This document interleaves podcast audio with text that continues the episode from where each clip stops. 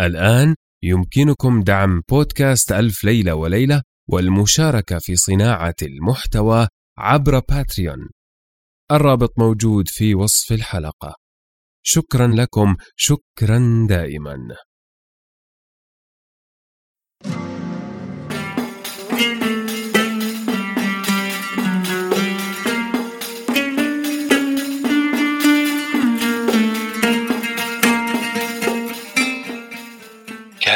مكان في قديم الزمان وسالف العصر والأوان ملك يدعى شهريار يحب الاستماع إلى قصص الإنس والجان.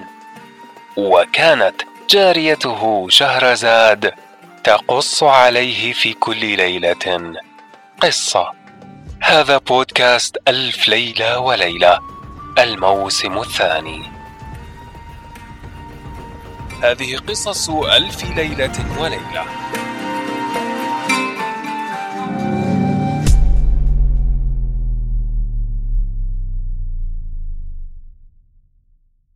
الليلة الثانية والخمسون.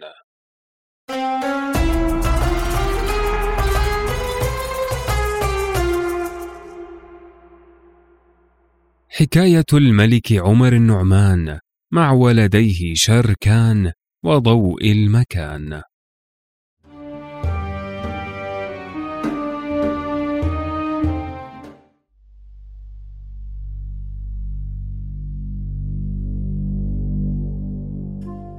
قالت بلغني أيها الملك السعيد أن الملكة ابريزه لما قالت للعبد الذي هو غضبان ما بقي علي إلا العبيد السود وأظهرت له الغيظ وقالت له ويلك ما هذا الكلام الذي تقوله لي؟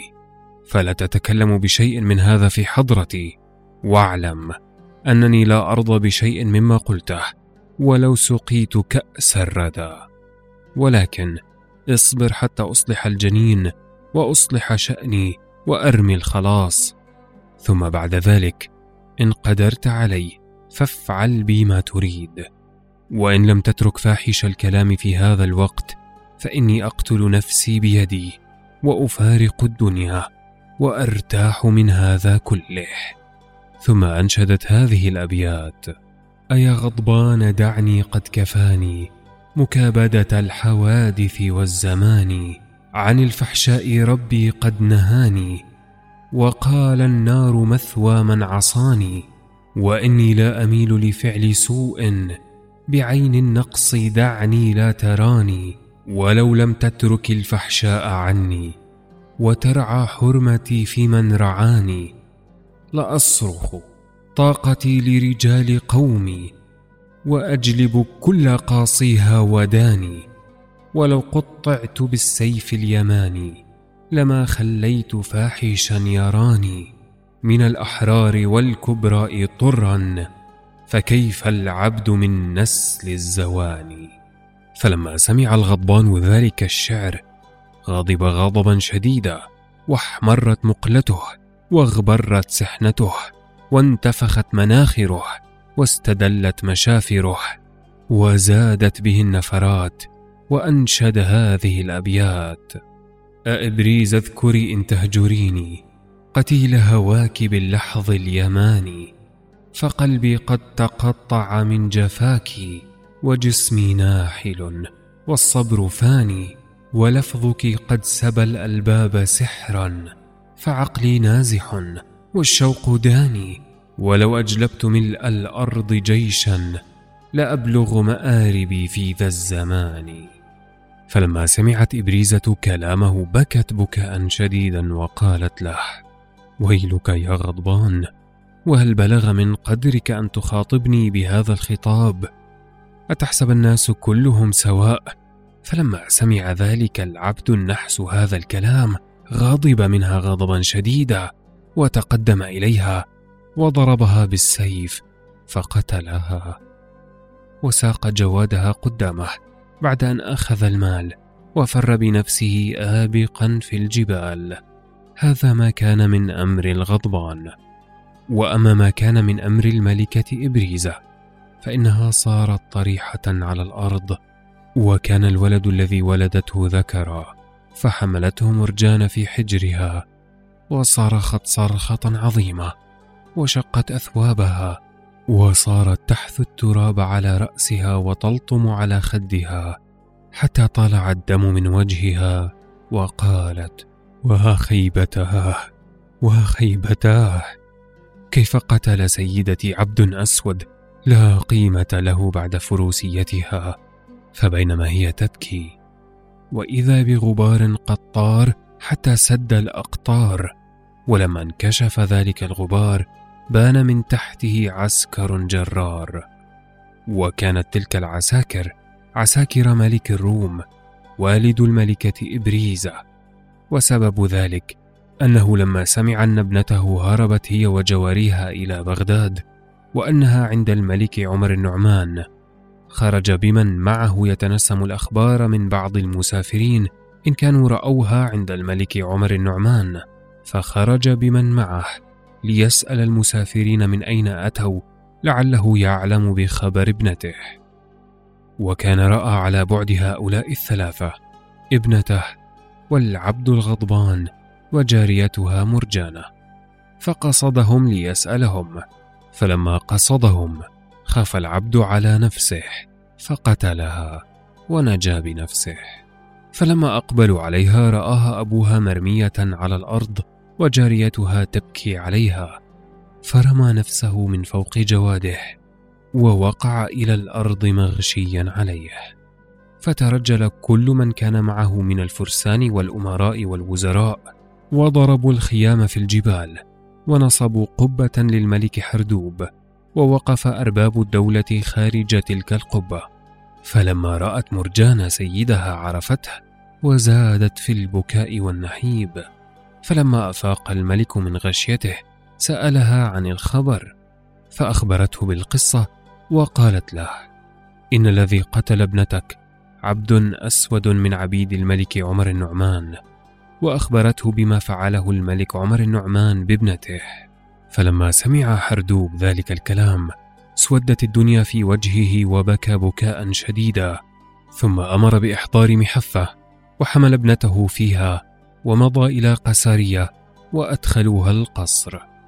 ثم إن الملك حردوب دخل على أمه ذات الدواهي وقال لها أهكذا يفعل المسلمون بابنتي؟ فإن الملك عمر النعمان أزال بكارتها قهرا وبعد ذلك قتلها عبد أسود من عبيده فهو حق المسيح.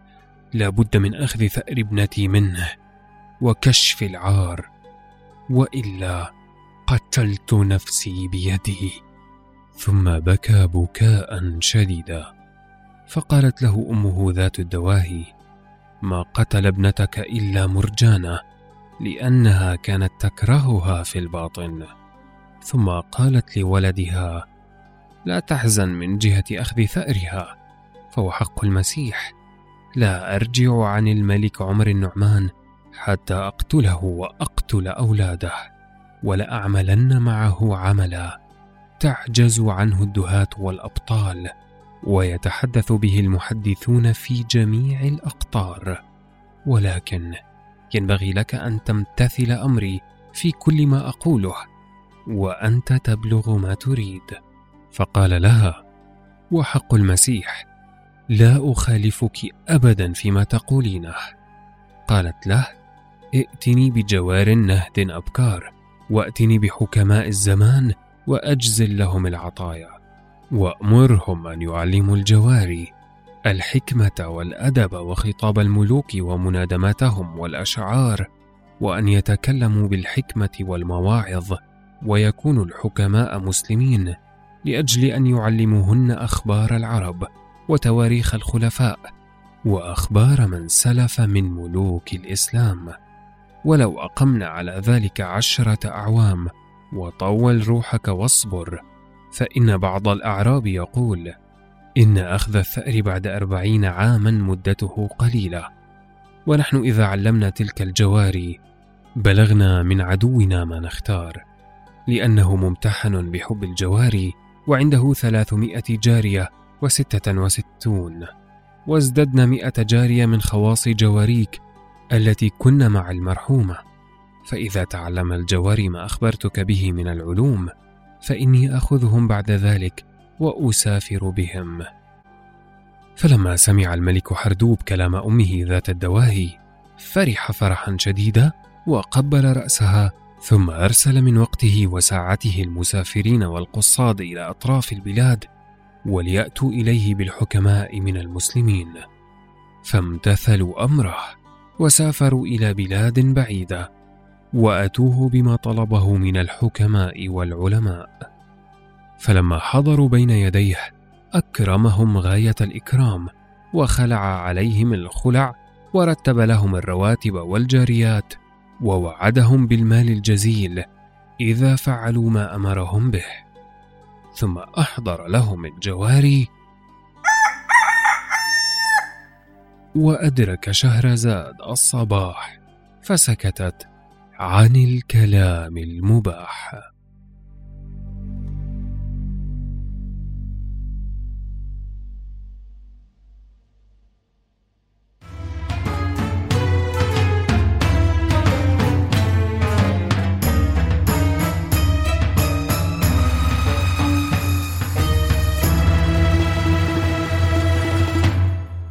أنا نزار الحمود معكم في قراءة الليالي.